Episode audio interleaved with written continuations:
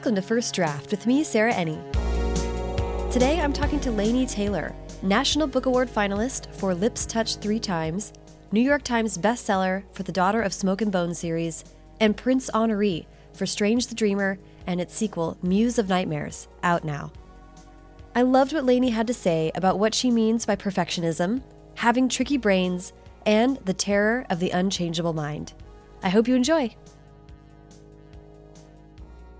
I like to start at the way, way, way beginning, which is where were you born and raised? Okay, well, I'm a Navy brat. We moved around when I was growing up. I was born in California, and we would kind of come back to California, but we lived overseas. We lived in Italy and Belgium and Hawaii, and, and then just sort of never anywhere longer than three years. Mm-hmm. So I want to talk too about how growing up in all those different places. I'm thinking about you growing up as a reader. Mm-hmm. How how were books a part of it? And I'm I'm just imagining you're as a young person getting all these different perspectives and world. Yeah experiences to kind of feed your imagination. Yeah, for sure. I mean, I'm sure, I don't know that I really appreciated it at the time, but maybe I did. But it sounds, my husband, husband likes to tease me because it sounds so obnoxious, but like for the eighth grade class trip, we went to like Pompeii and Capri. You know? Cool. oh or we would go to like the National Museum in Rome or something mm-hmm. like that. And when I had lived in, in the States, I remember our big like fourth grade field trip was like to the landfill. totally. Yeah. Mount Trashmore. Yep. I think I went to like a water purifying, like a sewage center yeah. or something. Yeah, yeah. You know, definitely absorbing all of that amazing, you know, history. Uh, we, I was nine when we moved over there, and so it was it was huge. It was definitely hugely formative. And even before we lived in Europe, just moving around, just knowing that having a perspective that things are different in yeah. different places. I think um, yeah. it does get into your bones really early books as far as like the availability of books was maybe a little trickier mm-hmm. because we didn't always live somewhere that had english language books readily available mm-hmm. but um, so i think there was a period of my formative reading years where my my reading choices were what was that the navy px you know so totally what somebody thought that 19 year old sailors wanted to read yeah. which is a lot of fantasy and sci-fi and thrillers and things that really 11 year olds shouldn't be reading. Right, or, I was I mean, gonna say like Grisham and beyond. But like way beyond, way before that, because yeah. this would have been like the mid 80s.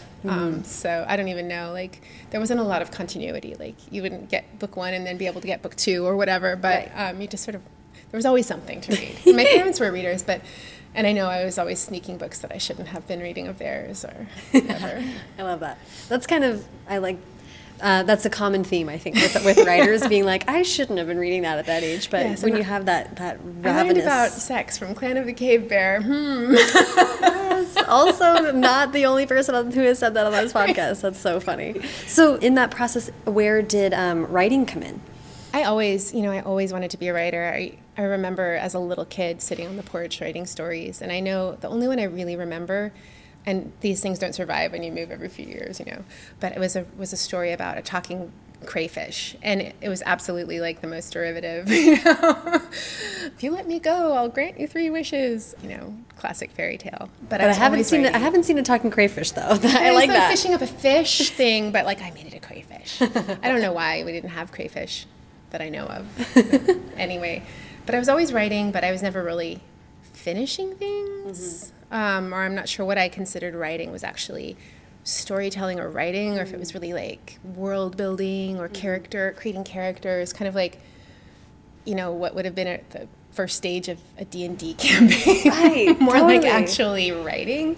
But it was in that imaginative fantasy world of you know dreaming stuff up but I, I didn't really necessarily take those characters and put them through mm-hmm. stories exactly that's what uh, victoria aveyard talks about how she just would make maps because mm-hmm. uh, oh, yeah. she loved the maps of like zelda i think it was and then she'd make her own and I think there's that's so interesting as a young person to be like, oh, you can, and also so funny to be like not starting from a small, simple story, but wanting to jump into mm -hmm. making a whole other realm for yourself. Well, so much of us do fall in love with books through these expansive fantasy worlds, and that's what we want to do, and we want to live in them, and and so yeah, I would do the same thing. I would make maps, and there would be genealogies, and I would do the characters, and of course what their powers were, mm -hmm. and who the gods were, and all of that.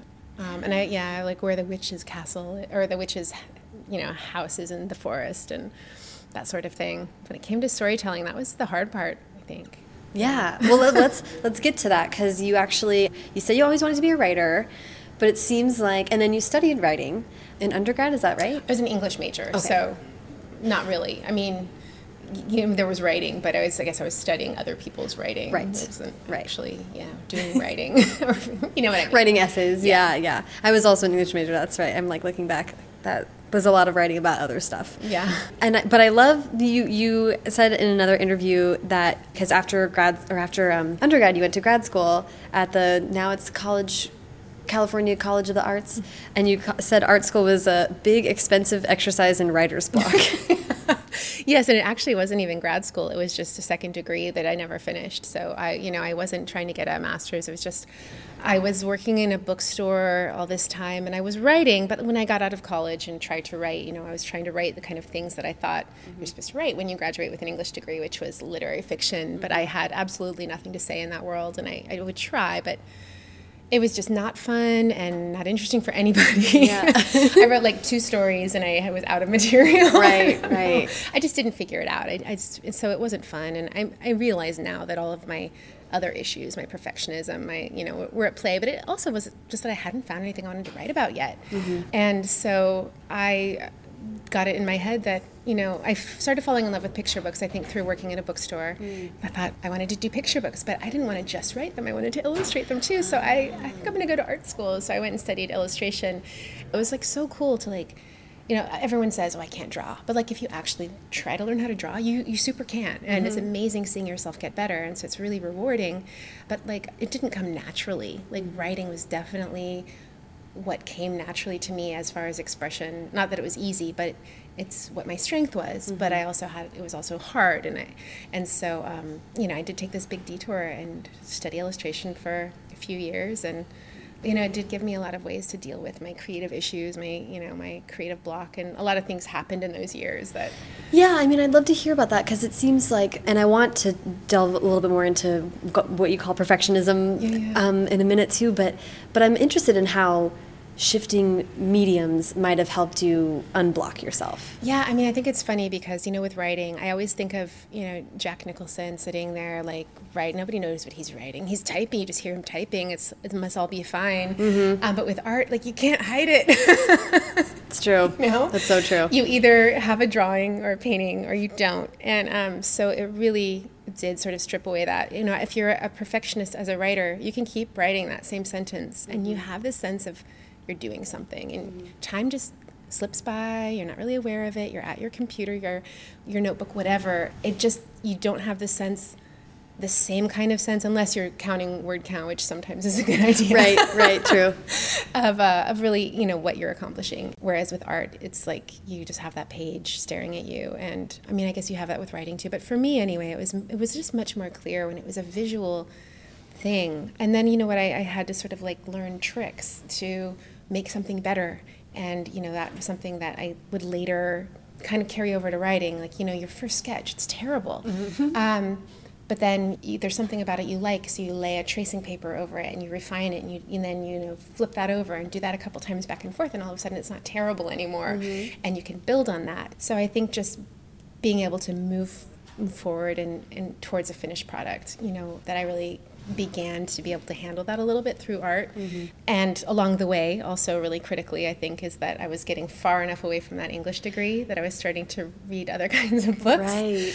and reading books that the kind of books that I loved when I was younger. Yeah, can you you have a great story about that? I think, or I've read you. I'd love to hear. Your I mean, so that. it was. I, I mean, I so really remember so clearly because there was um the art school that I went to was it had campuses in Oakland and San Francisco, and there was a shuttle that went between them across the Bay Bridge, and I was reading the San Francisco Chronicle on the shuttle, and there was a review of Harry Potter. So this was like 96 or 98, 98, Mm-hmm. Yeah, right? yeah, that sounds right. And uh, it was before it was like a huge sensation, but obviously it was getting reviewed in the Chronicle, over, which yeah. is nothing, not nothing. You know, it's like it was starting to break out, but it wasn't a thing yet. Yeah. But I just, for whatever reason, you know, I was like, I want to get that, and it wasn't like I'd been reading fantasy again yet, but I don't know why. But so we walked over. Well, maybe like I mean, the Chronicle is like you're reading the newspaper. It's a serious person's thing, you know. I'm Yeah. imagining like your brain would be like, well, it's being taken seriously. Maybe I can let myself. I mean, I don't think that I was like really being precious about anymore because I, you know, if, if I had if I was into picture books at that point. Like I, Right, like I right, was, right. but I don't know. Like I can't really remember exactly what was going on in my mind and what other kinds of things I was reading for fun at that time. I don't even know. I just remember, you know, walking over to it was an indie bookstore on Potrero Hill in San Francisco and buying it, and I read it and liked it, but it wasn't like an overnight like this is what I want to do or Right. anything like that. It just slowly, you know, over the next I guess ten years, I started reading fantasy again, and it took a while also my husband um, who i had just started dating at that time was a comic book reader and so i started to read comics at that time too which i hadn't read since i was a kid and they've changed a lot since i was a kid and so i was really seeing a lot of cool stuff that was out you know in the 90s and, and since um, and just getting i guess getting back into nerd culture which i guess i, I mean I, I even as a fantasy reader as a kid there wasn't there wasn't a culture around it in the same way because we were all isolated by Yeah. the non-internet. Totally, totally. So, Yes. so a lot of things were happening. So getting back into reading fantasy and um, dealing with creative issues and I don't know, getting farther away from school and you know wanting to work with Jim. So I, I think the first thing I, I wrote that was published was a comic book that we did together, that I wrote and he illustrated. How did how did that come about? How did you? I'm so interested in how this this was a slow process to you being able mm-hmm. to get to the finish line and, and also like find the stories that I think it's so lovely that you were like obviously once you found the thing that was right, sort of Yeah, it's such a weird circuitous path because we at some point we were living in Oakland at this time and this is like in the late 90s which mm-hmm. was the you know real beginning of the dot com boom. yeah huge. Um, and we had sort of the last affordable apartment in Oakland, and they were going to sell it so that they could double the rent because they could only raise it like five percent, or they could kick you out and do what they wanted. So um, we were like, ah, let's get out of here, and we decided to take a road trip up to Oregon to see, kind of check it out.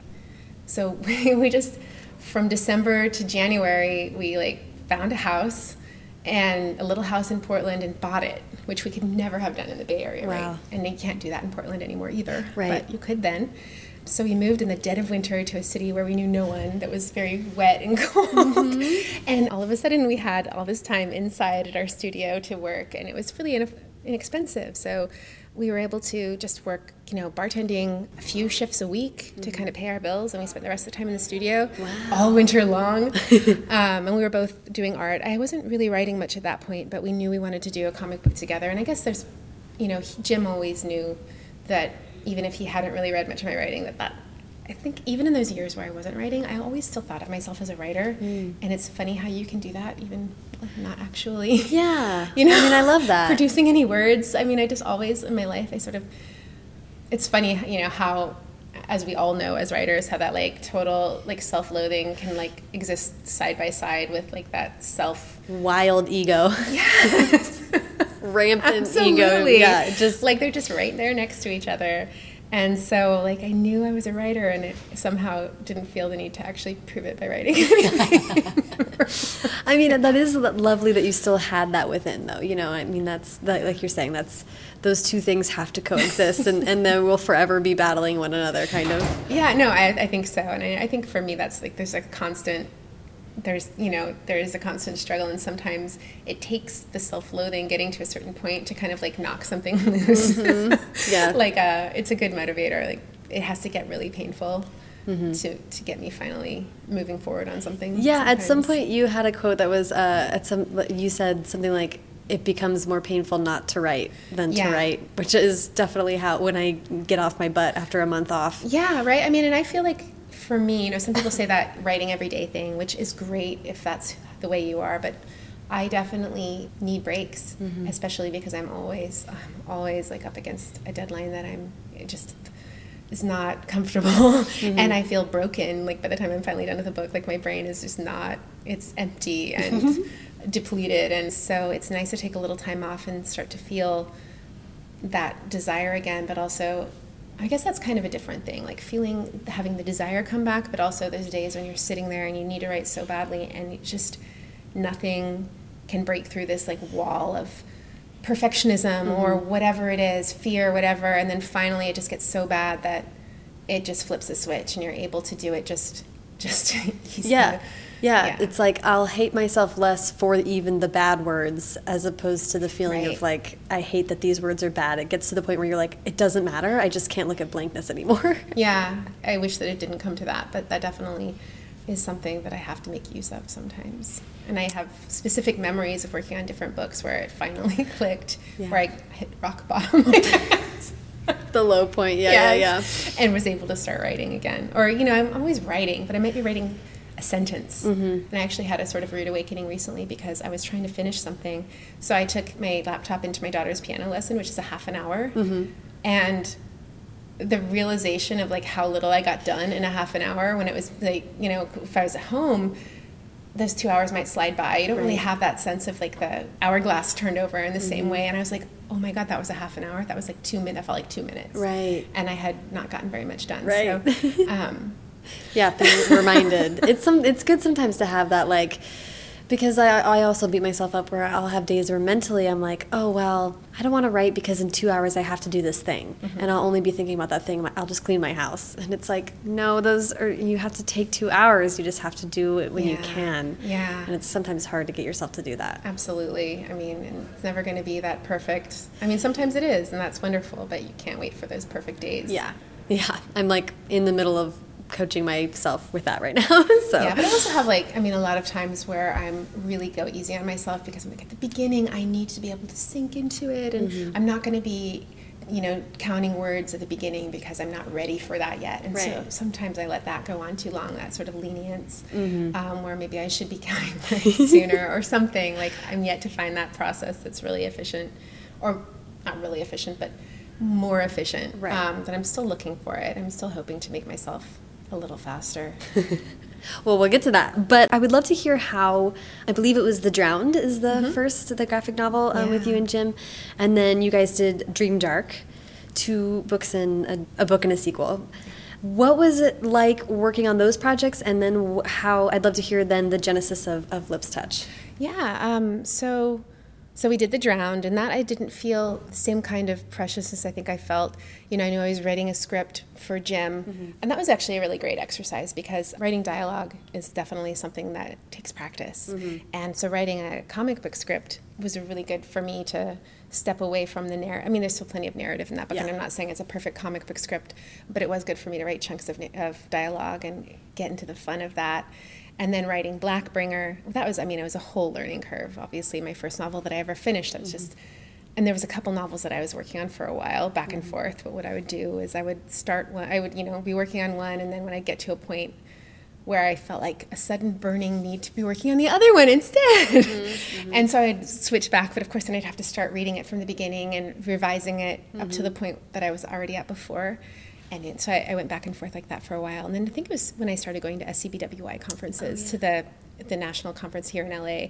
I went to that a couple of years in a row, and it started to finally get through to me that you have to finish things. If Yeah. you don't have any hope of ever getting published, the first thing it has to be is finished. Yes. And also being surrounded by people who have finished books, super inspiring. So that really, that really started to put bring it together for me Mm-hmm. and make me decide to, you know, I had to choose one and put the other one away and Right. just finish it. Right. So I did, which was very exciting. And then that was a little harder, I think, with Jim because they were definitely like, it was my story and my characters, and for him to then illustrate them, you know, I, I, I had more in my mind, like what I, so for him, he had, he had an art director over his shoulder all the time. But it worked out great. And I love the covers, the way the covers were on those. Yeah. And then he did, you know, some interior art too. So that was fun. Yeah, they're they're really beautiful. And then Lips Touch three times. Yeah, so super beautiful that- too, and it's a little different. Yeah, so that was like an interesting, well, because around the time that I'd finished Blackbringer, I just had been blogging, I guess, for a while, and I had um, started a writing prompt site with a friend from a Canadian friend who lived in England that we'd met on the blogs. And this is sort of the early days of blogs where everyone was meeting and falling in love with their soulmates around the world, you know, your soul sisters in writing or whatever. And so we had this thing called Sunday Scribblings, and it might still be going, I'm not sure. I kind of got, eventually got overwhelmed and had to, to, to back out. And the, the gal that I started it with, Meg, she has moved to Costa Rica now and is uh, running retreats, like creative retreats down there out of her house that she and her husband have been building. So it sounds super awesome. But we've lost touch. I just saw this on Facebook. But uh, so I was writing prompt. I hadn't really written for fun in a while, quote unquote, because mm-hmm. I was finishing a novel and I mm-hmm. hadn't done anything besides that novel for a long time. So it was really fun to write these short pieces that felt really unprecious and just, you know, to start something at the beginning of the day, having no idea where it's going, and just see where it goes. And it was mm-hmm. so fun. So I wrote a few and they would just be short, a couple of pages. But at a certain point, there was a maybe two stories that happened to hinge on this kiss that really changed, put everything else in perspective. It, it was really important in the narrative. And um, I was like, huh, you know, there are about stories about kissing, and I, th- I, think it was Jim's idea. I said I should submit when like to a mate, maybe to a magazine or something like that. And Jim said, or they could be a book, you know, do one more, and then it could be an illustrated book. And so we immediately were like, oh yeah, that would be so cool. And at first we thought it would be a more traditionally illustrated book mm-hmm. with, um, you know, the actual text illustrated in a storybook style, but. Right once we sold it to Arthur Levine at Scholastic, we started talking about. I think he just he didn't want to do something that simple mm. as a illustrating the actual text, and we started thinking how we might use illustration in a different way. And um, at some point, Jim and I realized that each of the three stories were about a girl whose story was prefigured by that of another woman who had been in a similar situation whose outcome was different. Mm. And so Jim realized, I think, and he thought that he could he could actually illustrate the pre story of the other woman. And that would be a story told just in pictures that would lead into the text story. So that's what that that's what that turns out to be. And as you start the book, you don't really know what you're looking at. But right. then once as you're reading the story, it starts to make more sense and, and they work together and it just looks so beautiful. And it's amazing that it's in one color because it looks like it's several colors mm-hmm. and it's gorgeous.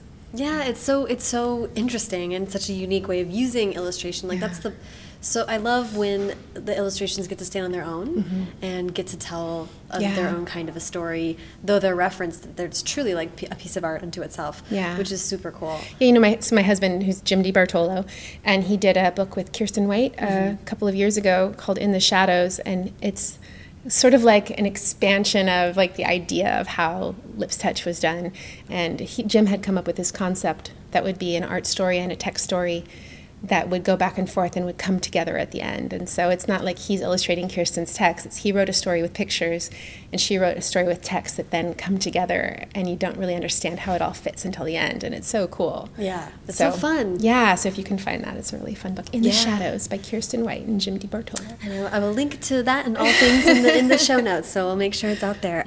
I'm really curious about how Lips Touch Three Times was a National Book Award finalist. Mm -hmm that's a really big deal. Yeah. Like that's so exciting.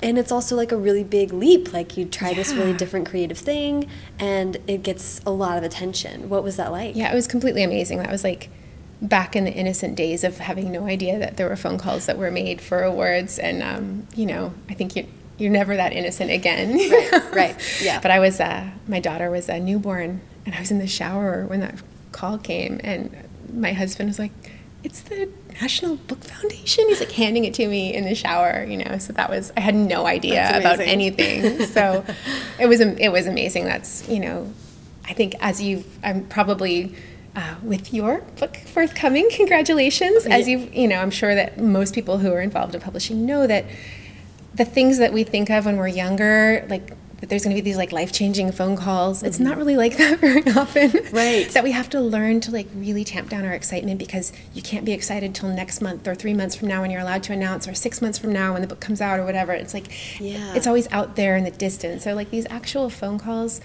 that are unexpected are such an amazing gift. Yeah. So that was a huge huge yeah, that was amazing. It's true, and it's true in like life generally, right? Yeah. Like you get the phone call that your friend had a baby, and it's like, yay! like these days are, are rare and wonderful. It's right. so cool. Yeah. And yeah, especially like no expectation, no feeling like, oh, right. if I don't get the call, I feel bad. It's like none of that. Right. Like now, even no matter how much I tell myself, you're not going to get a call, you're not going to get the call, I still know when they are. And there's right. that part in the back of my brain that's like, and actually, you know, this year did get a Printz honor, right. which was amazing. But I had somehow, even in my like telling myself, fantasy doesn't get awards. Mm-hmm. Don't look. Don't expect it. Don't like. Don't ever get your hopes up. Just you know. I still. I thought I knew when the calls were being made, and I tried to not care. Mm-hmm. But I was wrong. Like I. I think that midwinter. I think when I looked it up for completely innocent reasons, not at all wondering. I think I must have looked at last year's dates or something. So then I was like, I thought that midwinter was happening this one week in January, and there was no call. So I was like, oh well, you know, I, I was right, Right, you know, right, blah blah blah. And then it, I, for whatever reason, I like closed my mind. It didn't occur to me that like I didn't hear the announcements that weekend Right. of who, you know, it just. Right. And then I was like, huh, finally. Like, they didn't make the calls, but then I forgot again.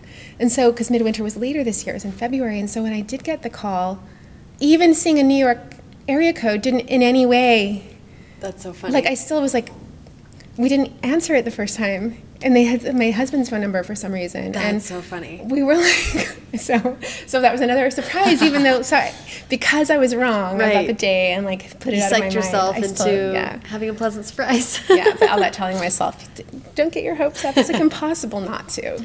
It is, and it's really like I mean that's part of becoming like.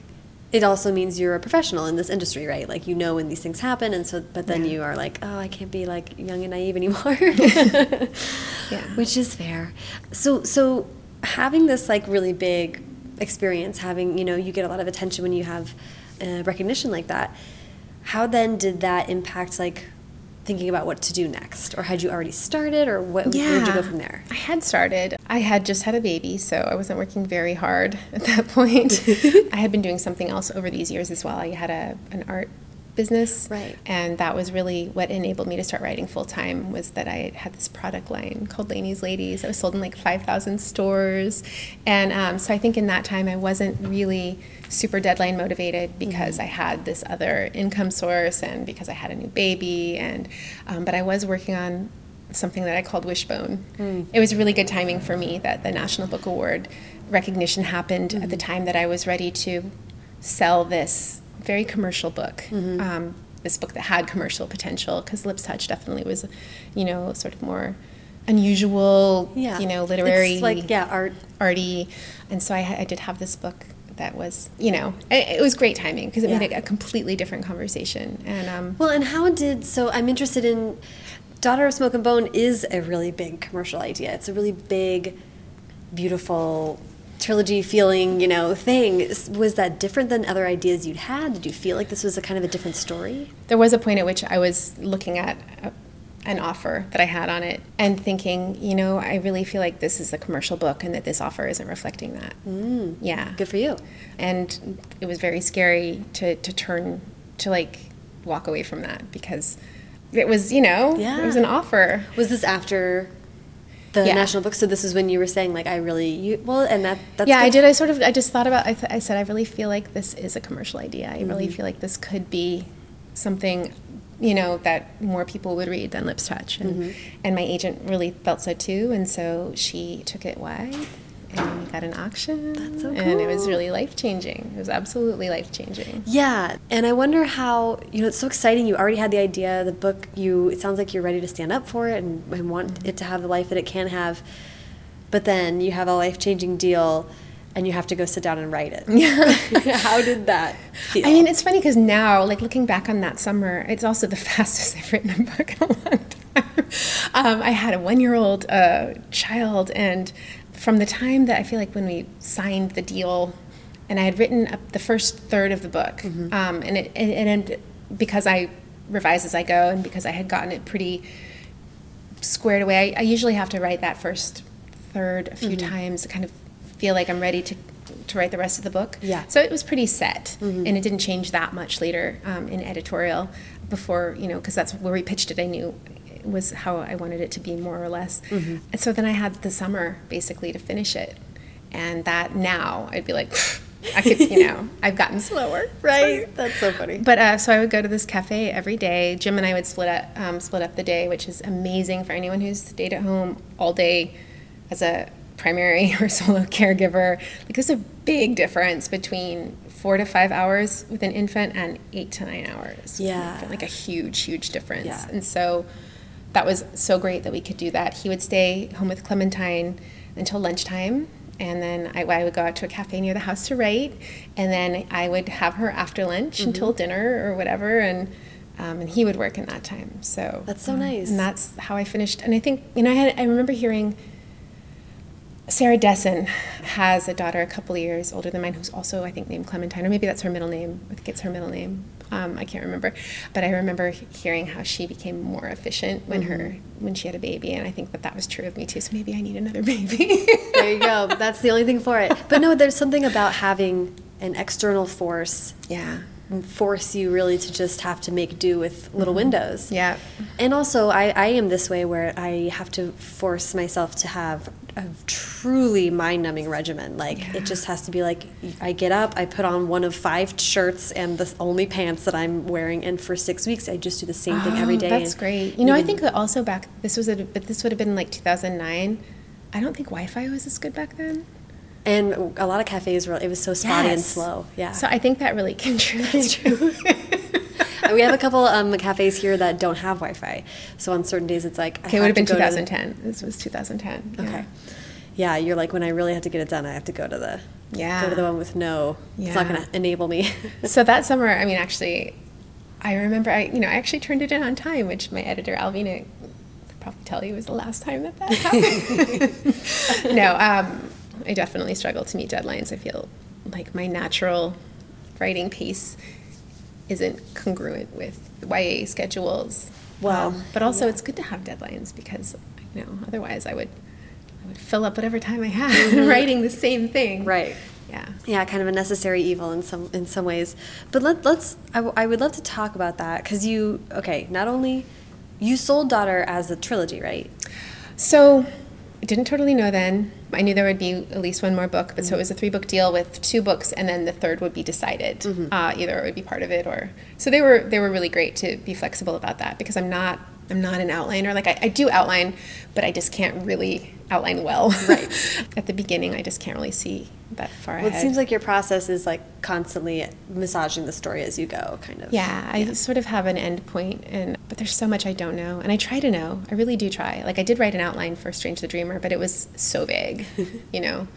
Yeah. that it was not really that helpful. But I mean, it does sort of help to have an idea of a structure, which I've gone back and was looking at my first book recently, and I didn't have at that point. I wasn't writing with an idea of a three act or a four act mm. structure in the same way, and sort of like ending act one, which isn't going to say act one in the book, but like ending this chunk of the book on uh, what sort of beat, or you know, I didn't have right. that sort of structural sense at the time, and now I definitely do. So I do try to think of those things as yeah. much as possible. Like I need this kind of beat, even if I don't know what the beat's going to be. Mm-hmm. I really try to outline and it would be great. And actually, while I was finishing Muse of Nightmares, there was this book that like came together in my head, fully ready to be written. It's fully outlined. Wow. And um, I was like, I'm going to get to write this. And it was adult. It was like sexy adult romance. Cool. Um, but then I realized around the same time that Muse of Nightmares was all wrong, and I had to rewrite it almost from scratch. So then I ran out of time to write that other book. No. But I do, it is actually outlined. So some stories, I guess, could come together that way. That was kind of exciting. That is really interesting. Yeah. Well, and well, let's talk about it when we get to Strange too, because I want to know how you've sort of like adjusted over time. But I want to take a pit stop on what you were talking about, like with perfectionism. Mm-hmm. Um, and it sounds like especially the daughter series, daughter of smoke and bone, days of blood and starlight, dreams of gods and monsters. that they, I, I think from what I've read from you, I pieced together that possibly it got increasingly difficult over time to keep yourself to a schedule or to. Yeah. I mean, what was that process like? And and can you talk a little bit more about like what you mean when you say perfectionism? Yeah, you know, I'd love to talk to more people about this who I, I've been thinking that a lot lately. I would love to talk to people who struggle with what they call perfectionism. Like, what does it mean to them? Because I know from the few friends I have who do struggle with it, it doesn't necessarily look or feel the same. And for me, mm-hmm. I mean, it, I think it's what some people would even just call a writer's block. And it's not. I'm full of ideas, mm-hmm. but it's it's honestly, it's the words just kind of create this trap where you just cannot move past them. Mm-hmm. Like if this, it's about getting the idea articulated perfectly and your brain will not let you go hmm. until you have interesting um, and it's really infuriating. I mean, it, it, feels like it feels like a mania sometimes in the midst of it. Like this is ridiculous. I cannot still be writing this paragraph. Mm-hmm. Like, are mm-hmm. you kidding me? And and yet, like in, until you get to that point where it that until you hit bottom, right, right, right, you can't do anything about it. It just feels insane. And so I, I feel sometimes like like Strange the Dreamer particularly felt like like taking a road trip with the brakes on the whole time. Mm. Like you know, you're you have the brakes on and the gas, you know, and this is right. grinding miserable. Yeah, yeah, yeah. Like you're moving um, forward, but not the way it's intended to and go. And the whole thing is just this your shoulders are up around your ears. And I mean, that's, and it's just sheer determination. Yeah. You know? Um, and there are moments of grace in there where you write a scene, and but I feel like those were getting fewer and farther between. This ability, this ability to get out of your way mm-hmm. and let like find flow. I think that that elusive flow state, because I do I think because the perfectionism, I think what it does is it blocks flow. Yeah, right. Um, and so it, it, prevents you from getting in that state where the good stuff happens. Right. And so I have, because that's what writing is like for me, it's really hard to access that state. I hardly ever do. Mm-hmm. That I remember the periods of my writing life where I did, like the days. Mm. Like the day I started writing Daughter of Smoke and Bone was one of those days where, for whatever reason, I had flow. And I wrote all day, like, just joyfully mm-hmm. and that never happens like i've had then there's a few scenes like there was a scene in dreams of gods and monsters where i remember where that happened and mm. i remember the scene because it's so rare that that happens for me and it's so sad like wow. i would take any drug that they right, right, right. that they could that they could come up with to be able to access that state on a regular basis because it's it, it's, it makes everything worth it right. but um, I, I think that some of our brains are more in the way of that than others. And I think that for me is what perfectionism is. It's like yeah. your brain is just in the way of flow. Yeah. Yeah, which is really great, hard to get it out of the way. And that's actually like a really great way to describe what I think a, a, more clear way of kind of describing what people mean when they say writer's block, right? Like that's like that is what it is blocking. So it's yeah, I mean, there's so many different things that get called writer's block. Sometimes it's really so such a simple thing as you've taken a wrong turn in the plot. Mm-hmm. But for some of us, and when other writers out out there say, any writers who are hearing this who say, I don't believe in writer's block, I just want to like throttle you a little bit because good for you I'm so happy for you right. that this doesn't happen to you, but that doesn't mean that we all have your extremely wonderful brain yes. that never gets stuck. Um, well, I, I want to avoid drawing the explicit parallel because I want you to talk about this however you're comfortable. Because I read you said that you were diagnosed with ADD more recently. And I'll ask you that in a second. But the way you're describing the blocked flow, block of flow to me, makes me think of my friend Kiersten who has ADD and uh, um, is taking medication for ADD. And when she uh, sometimes we go on trips together, and I'll be like, oh my gosh, I'm having this day where I just can't remember where I put anything. Like, nothing makes sense. I can't, I just started 10 tax, tasks and can't finish anything. And she is very sweet to be gently like, just keep in mind, this is how I feel every day. Yeah. And those moments were really powerful for me and made me really grateful to be like an understanding of yeah. her when she's having those days. And I'm like, oh, I can find the patience to be calm with you because you are trying as hard as you can. Yeah. And honestly, right now, I'm not convinced that I do have ADD. Mm-hmm. I, I, have something that makes it hard for me to work that fits some of the symptoms of ADD. Mm-hmm. And I did um, start some medication, which I liked in a lot of ways, but I don't know that it really was helping my focus that much. Mm. But it was giving me energy, which was mm. awesome. Uh, and I think it was helping a little. Mm-hmm. Um, but certainly it wasn't the silver bullet that I wish it had been. And I have a wonderful writing friend who has been going through it too and is having better luck with the medication. But it's really it's not one of those things that's just easy to like you can't just do a blood test. Right, right, right. You have it. Totally. So I don't know that it is that that that it, there's something that is that there's a drug for you know right. what i mean like i wish um, but i did think it was interesting that you were yeah. talking about that because i actually have a couple friends who are going through like it's like I think it's interesting to talk about because you can have these realizations later in yeah. life of like, oh, actually, I can maybe think about my mental patterns in this other way. Absolutely. I've been thinking about that so much this year because we beat ourselves up so much over what we can and can't get done. And just the idea that our brain is difficult, that it's making these things difficult, and the idea that there might be something out there that could make it less difficult is like, you know, it's very appealing. Totally. um, and so for some people, that you know, it, it fits a pattern that is easily diagnosable and, and easily treatable. And for some people, it's not. Like in some ways, I feel like what I have is writing OCD. Right. not with anything else, but just with writing. And yeah. that's not a thing.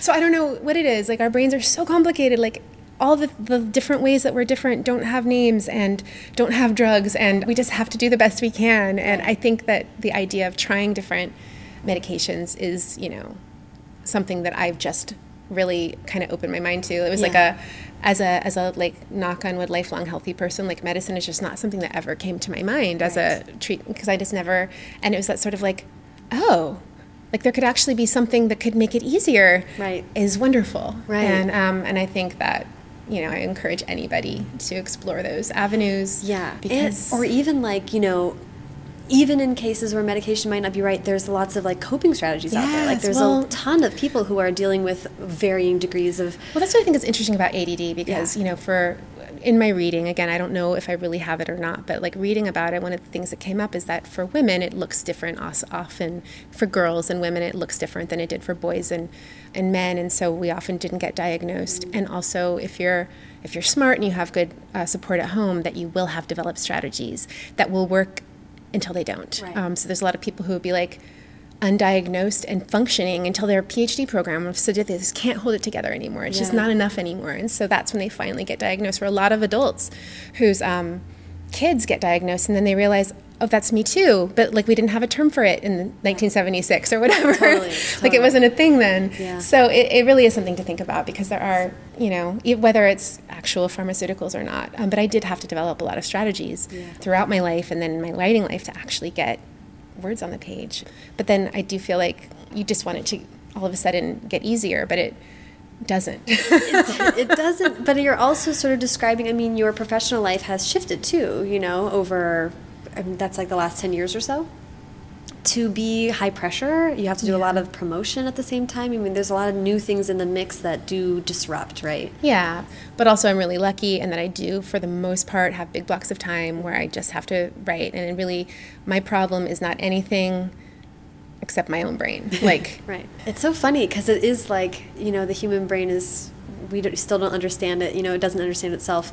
And it's like it's the thing that is like making your living possible and it's the thing that's preventing your living from being yeah, easy. and I think that of course with all of us who have these tricky brains, like we we know that the flip side of the thing that that sucks about our brain is also responsible for the things that we love about. You know, like I'm sure that that my obsession with language is a result of the same thing that makes writing so slow for me Mm-hmm. sometimes, but ultimately it's why I write the way I write. And so it's trying to find a way to, you know, be your best self, I guess. And I, I know that a lot of us who are afflicted um, waste a lot of time wishing it were easier and wishing that we didn't have the hangups that we have and you're just you have them. So the best you can do is come up with strategies or perhaps, you know, drugs. totally totally which is like zero shame on that front Yeah. Well, with Muse of Nightmares, I did force myself to write. Well, actually, what I did is the usual thing, which is like took a really long time writing mm-hmm. the first 20,000 words. Mm. And then I was like, oh my God, deadline. and so I was like, I do not want to be, because my I've been really late on Strange. Like, that was the first time I've ever actually had to change the publishing date. And that was mm. terrible for everyone. And so with Muse, I didn't want to be in that position. So it was a really great motivator to write that fast first draft mm-hmm. and to let go of the, I don't know, the preciousness for a while. And I feel like I have two channels. I have this like, super super fast terrible writing channel or this mm-hmm. super super slow and what i really want is the one in the middle but i don't have that but so i did write this really fast first draft and then i was writing i was like halfway through the second draft when i realized the whole book was wrong. So i don't ah. know. On the one hand i'm like that first draft didn't help. But on the other hand it got me there faster. Right. So interesting. I'm still figuring it out. And i figure like feel like i always will be. Yeah. Yeah. well it's that echoes what a lot of people say especially the like something different every time. Yeah. Yeah which is disheartening and heartening at the same time. But let's get to Strange, because I really want to make sure we talk about Muse of Nightmares um, and both of those specifically. So, Daughter of Smoke and Bone is it like again huge reception? People are obsessed with that series. I'm obsessed with that series. Thank you. So such a big deal. And then it's uh, how did, how did you was Strange in the back of your mind? Where did that come from? Yeah, so um, when I finished uh, the Daughter of Smoke and Bone trilogy um, in like right before Christmas, and I so clearly remember because I had to go on a writing retreat to finish it. I went to the coast for like, and I, I did that sticker calendar, like the Victoria Schwab sticker calendar thing, and I kept that page because I wrote like 20,000 words in six days or something, Wow. which at the end of the book sometimes I can do. And then I didn't quite finish, so then I had to go come home and go to a hotel for like two days, and I was up for like 23 hours straight Wow. finishing the book. Wow. And that was right before Christmas break, you know, and so I was oh my God, it was finished. And I actually had one day with copy edits Wow! um, my goodness. in January. And so then right after that, I went on a writing retreat in Mexico with Holly Black and Cassie Clare and Sarah Rees Brennan and Kelly Link. And they were all hard at work but I had I was still like in brain regrowing mode. Um, so while they were like on their amazing all night work schedules and like sleeping in and like actually brainstorming in the pool and like it was incredible the way they work the, the work ethic. I was kind of dinking around, but I was coming up with ideas for what I wanted to write next. And I have so many because I, for all these years, I didn't manage to actually write the ideas that were in my head. They're still in there all this time. So there was this one character that was the Muse of Nightmares, and she had been in my head for like 20 years. And I think I had write, tried to write a story about her when I was like maybe even still in high school or something, and nothing came of it. But there was just this vague sense of this character who sent nightmares to this, the humans in this city, and and there had been child abductions, and I don't really. That was all I really remembered, or all I had. And so I started thinking about what that could be. And so the idea for this book was about her, was about this character, and it was supposed to be called Muse of Nightmares. And um, it was supposed to be a standalone because I was done with. I was going to say, I did remember reading that, which you're not alone. A lot of people who give it the, at the end of a big trilogy are right. like, never again. Never again, right? I know. Libba Bray took a break from and did standalones for a while. Then she came back to series. That with four. and they're giant too. They're massive. And wonderful. And so that was where that came from, and that changed as I was writing it. But that was, um, it was sort of that idea f- met up with another idea. And I remember like the first SCBWI conference I went to, I think there was somebody, I can't remember who it was, but who said you have to have two ideas to rub together to make a fire or something like Oh, that. interesting. And um, you know, often those little pieces that are floating around in your head, they have to bump into something else and become an, i- you know, become a, a premise or a, a, you know, an actual story idea versus just a fragment. So the Muse of Nightmares bumped into the idea of these left behind children of gods, half half human children of gods who'd been left behind after a conflict. They didn't belong in either world, and it ended up changing a lot. But those two ideas came together and mm-hmm. became the premise. So when I sold it to Little Brown, it was Muse of Nightmares, and it was supposed to be a standalone. Did that change? yes. which is so interesting. And you've told you've. I'm going to try not to ask the same questions that you've answered often again and again for for Strange because I really want to talk about Muse specifically. But I do want to, as a way of segueing into Muse, talk about the lack of villain.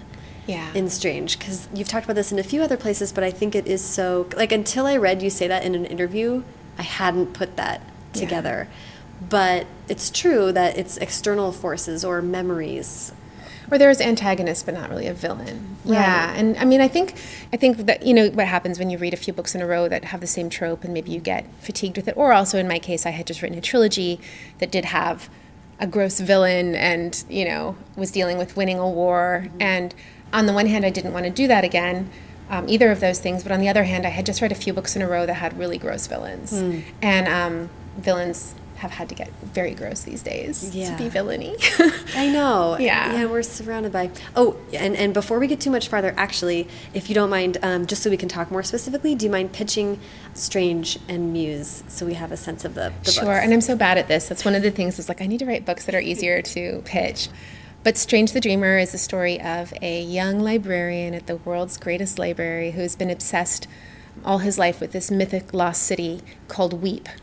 And he knows that he'll never have a chance to go and find out what happened to Weep or, you know, why it's been lost or if it still exists um, because it's halfway across the world and he'll never have the resources to go there. And then one day, a delegation of warriors from that city shows up at the library looking for help for an unnamed problem. And um, he's determined to get on the delegation. And that's a piece of it. And the other piece is uh, it's the story of the left behind children of murdered gods in hiding after a, a war between humans and gods. And um, how those stories come together. Yeah, and I, and I want to ask you to pitch Muse of Nightmares, and I want to sort of. I don't want to spoil the book, but I want to ask some specifics. Yeah. So I think for the purposes of this conversation, let's assume the reader has read Sta- Strange Okay. to the Dreamer. Okay. And that way we can actually kind of get into it, and I'll just make Sure. sure that there's like spoiler warnings Yeah, okay. when we put this out. Sure. Muse of Nightmares is, you know, really it's one big story. And the first half is Strange the Dreamer, and the second half of Muse of, is Muse of Nightmares. And it's a story about whether it's possible to unlearn hate and overcome trauma, or whether people are stuck in the same pattern, perpetuating the same cycles of violence and vengeance forever. Yeah. And I mean, plot wise, it picks up where Strange leaves off, and it is like dealing with sort of the aftermath of like Right. the apex of not only the apex of Strange, but then the events that predate the timeline of Strange Right. as well. So it's still like that was what what struck me when I read that interview. Is I was like, oh yeah, the event, the trauma that they're truly coping with, especially in Muse, Happened 15 years ago. happened before. We we do see it, we experience it in flashbacks and things like that. But but yeah, I think it's about. I mean, I think it's about PTSD, and I think it's about overcoming. I mean, the city was occupied by extremely hostile, horrible gods for 200 years. It's 15 years later now. I mean, how long does it take to come out of the, in this case, literal shadow of that time and to reclaim your identity as a people? And I didn't know a lot of this when I started writing it, but it really came to be about I think the heart of the story really is about Weep and about Minya mm-hmm. and what it's like to be frozen by trauma as a city or as a person. You know, I think a lot of stories, including, you know, Daughter of Smoke and Bone trilogy, are there about winning the war. And mm-hmm. this is about after. This is 15 years later, and people are still really stuck and really struggling to come out of that and to figure out who they are. And there are people who, I mean, really are never, never going to be who they would have been. There's, Yeah. Like, never. But is it possible to be whole again, you know, when you've been through that? And what does it take, I guess? Right. And it's so effective because I think you show that with people from all sides of the experience of mm-hmm. that main conflict. Like the people of Weep and Minya and, and Laszlo is still an outsider in the, all these other ways. So yeah, it's, it's it is hard to pitch, but it's a very like. at some point, I was reading it and I was talking to Maureen Goo, my friend, who is also obsessed with the Oh, I series. met Maureen. Yeah, she's. We were reading at the same time, and we were like, ah, like ahead of each other, and like talking about it. But I was like, oh, it's so it's an interior kind of narrative more. Like you really get in deep with, especially Minya, and get a sense of. I was like, is she really gonna make me like this character? And you did, which was like such a feat. So, uh, and and to make me really like understand her point of view, which was beautiful. Ultimately, that's not a question, but.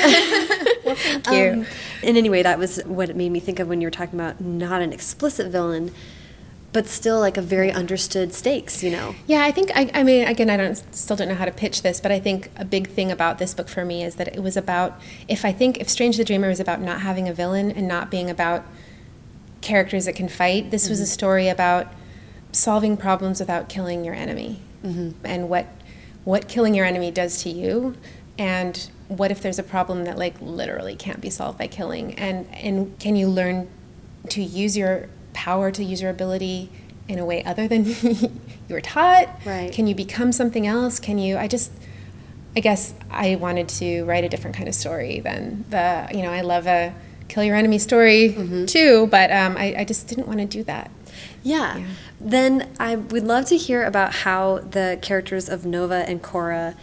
I'd love to hear a reverse engineering of how that came about because it was such an effective, like two brand new characters Yeah. into our world, and it, it ties together so beautifully in the end. But I want to know what what about that narrative thrust? What made it necessary? How did that factor in? I mean, it was really, I knew, I figured it out, I guess, when I was writing Strange, really how mm-hmm. this all came together. I think a lot of it comes with the question of what's Laszlo's story? Mm-hmm. You know, where did he come from? How did he end up where he ended up? Who is he and why why is he and all of this and so I knew the answer to that. Hmm. You know, I knew that the answer to that was the answer to a lot of other things too. And it hmm. was like how to tell these how to bring these narratives and I you know, without spoiling I know it's really hard. um, how to how to answer the question of what's what's up with Laszlo? How did he end up in where he ended up? Yeah. You know how why and what happened to all those other children? Mm-hmm. You know, where did the gods come from? Right. And all of those questions are sort of all answered by the story of these other these these this Cora and Nova story. And I, I love it because just from a just from a storyteller point of view, at the end I looked back and was like, oh my god, like it was so. I was like, of course, you know, you'd have to do that because you're engaged with Nova and Cora from the very beginning. You get to actively be a part of the progression of this story that you come to understand is like parallel to what you what you know about the world. And then at the end, it's like, oh, so wonderful that she did that and made me actively engaged in this other story instead of just giving info dumps of background because that would have been the only other way to do it. Yeah, and I, you know, I actually, as when I started writing, I started. I think I, I can't remember if I started with the Cora Nova chapter that is actually chapter one, or if I, but um, I was so into this story, that story, like this could, this could be a book. You know, I could write this. I could just stick with these characters because I, there was so much there, and obviously there's a lot of years that we don't see, but I just had to really keep myself disciplined. Like we get one chapter at the beginning of each section mm-hmm. that's about them, and I had to keep it pretty, uh, pretty small. But it's such a. I think that that is a situation being tested, being tested, and being hopeful that you're going to find a place in a bigger world. Mm-hmm. It was just that situation is just like so delicious to me. Like oh, so, yeah. I was so excited about writing those chapters and knowing how devastating they would be and so much okay and and i have a, a couple more questions and then, and then we'll wrap up with advice but and this one i want to ask before I dive into it it might be a little spoilery but you've referred to this in strange interviews about the kind of expanded universe element of this. So I yeah, I haven't known like I haven't really known how to talk about it. So I was even thinking like how to Instagram this. Yeah. Because so uh, you don't have to have read Daughter of Smoke and Bone to read Strange to the Dreamer, but mm-hmm. the way I've been thinking of it is that if you have, then it's like you're wearing special glasses that let you see things that you wouldn't see otherwise, and things just will mean more, and there yeah. will be a lot more satisfaction in certain parts. Yes. If you have read Daughter of Smoke and Bone, but if you haven't, I think you won't feel like you're missing anything, Mm-mm. but you are. but it'll be better and more interesting. Yeah. yeah. So I mean and that wasn't really when I came up with the idea initially. It wasn't intended to be that way, but once I realized a certain aspect of multi dimensionality yeah. um, that I, I, had already created a multiverse. And so, of course, it made sense to there's all these worlds out there, and yeah. um, and there's seraphim flying through them. I know, I cutting like... doorways. And so, I mean, I just think the idea that however many millions of thousands of years ago, let's not go millions, however many thousands of years ago, angels cut doorways between the worlds and just left them there for anyone to find and use. And then they did. It's so cool. Um, so we won't see necessarily common characters, though there's some references. There's definitely Easter eggs. Yeah. yeah. I so what I and and my line of questioning isn't clear because I'm unclear about my thoughts on it but there's something about creating like a Laini verse that is so delicious to me. Just like as a creative person, that you could take these two separate ideas that came separate and give them some way, way out there connection, but it still exists. Yeah, I love when things come together. I mean, um, I feel like in some way, somewhere in the back of your brain, like something was planning this, even if it mm-hmm. wasn't, but just it feels that way and it's so rewarding. I mean, there was even things in Dreams of Gods and Monsters that I hadn't planned for that trilogy, but when I got to the end, thinking what I knew what that book was going to be, and it became something else, and sort of set up a new conflict at the end of Dreams of Gods and Monsters that I don't know. Like, I mean, I think a lot of what I'm doing is just going on intuition. If I if I was like, if I paid better attention to the rules of writing, I would not do these things. You know, I would not. I would like not have had like the last quarter of Daughter of Smoke and Bone be a flashback. I would right. not have set up a new war at the end of a trilogy. You know right. what I mean? I would right. just. But I, I think a lot of it's just intuitive, and um, but yeah, I love the idea of having this big, all the stories that there there could be to tell. And at the end of Muse of Nightmares, I mean, there's some obvious stories that could be set up. And there's there's a big obvious one if you've read Dreams of Gods and Monsters that it's kind of a big blinking light. I think at the end, big blinking blue. yeah, yeah, yeah. the yeah. Book. But there's other side stories. I mean, I think that there the idea of what happens at the end of Muse of Nightmares. There's a lot of stories to explore there, um, and I, I love that thought that I could go and see what Thyon's up to in a couple years, for example, or yeah. if he's still alive at the end of this book. right the least spoilery conversation. Um, but and there's something to it that feels like the Stephen King thing, right? His like that you're so rewarded if you're a fan of all the works and it's all Easter eggs and it's all and again, like I said, I'm not even like I'm still working through what about it feels like such magic to me.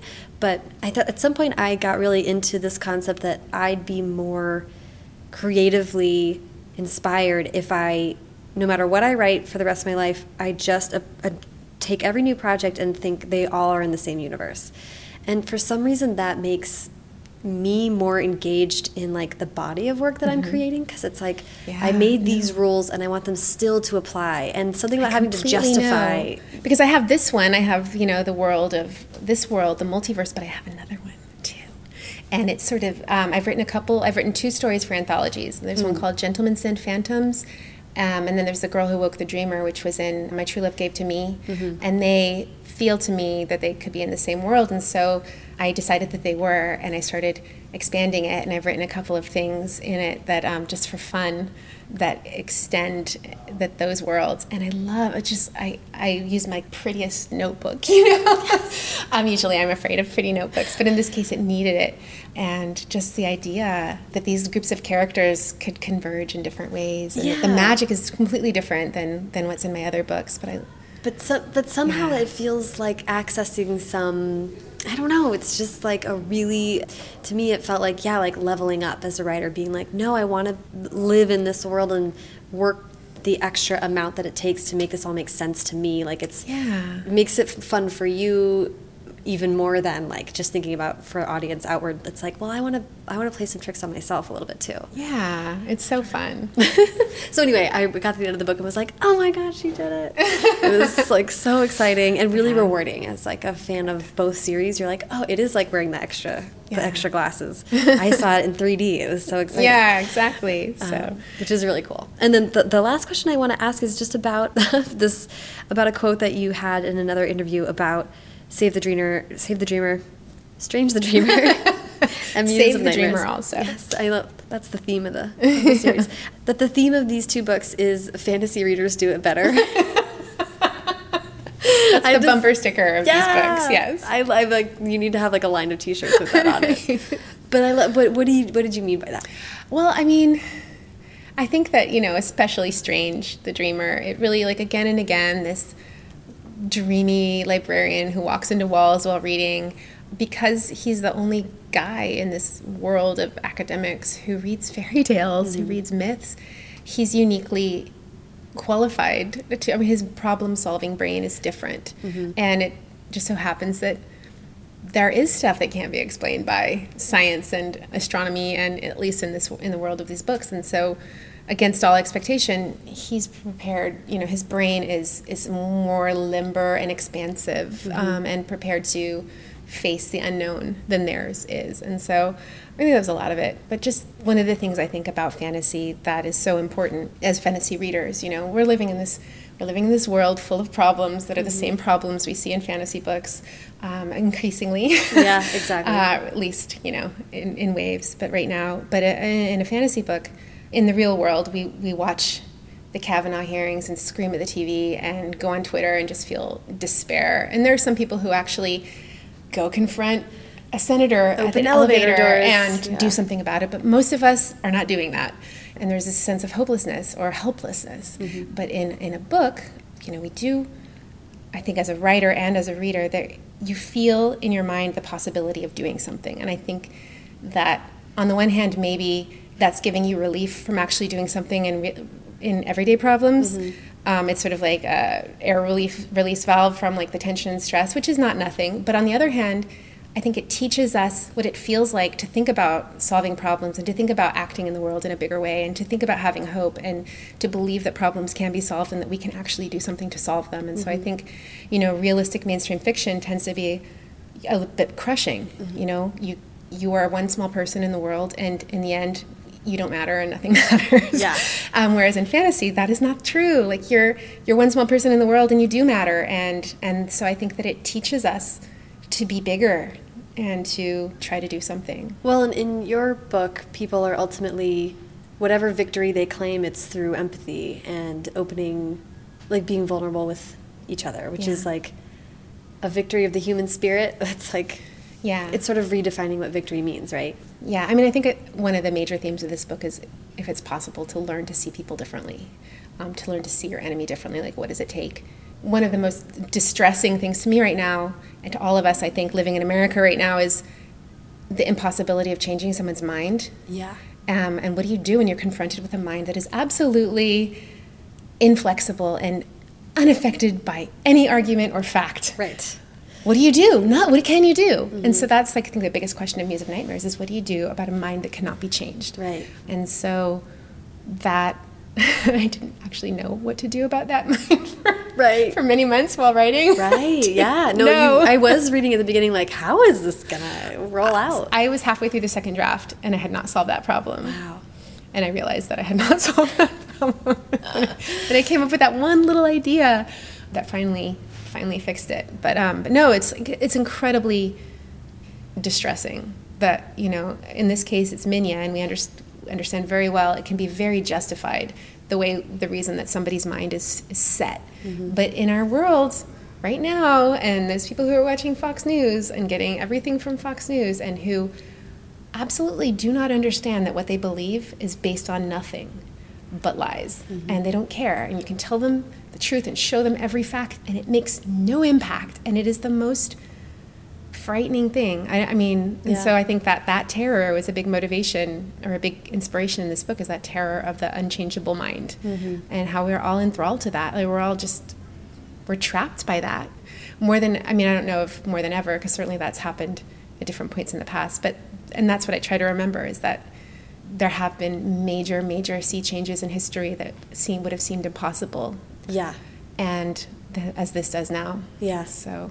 Yeah, people have we've done it. Yeah, we've persisted throughout yeah. history. so hopefully we can. But that's that's a great frame for this book because it is that it is and like. The, after the election, right? So much of the conversation was like, how do we talk to each other? And right. this book is sort of definitely yeah. I mean, you've that. got two sides of the equation, and one person standing in between that has all their fates in her hands, and she absolutely cannot see. Yeah.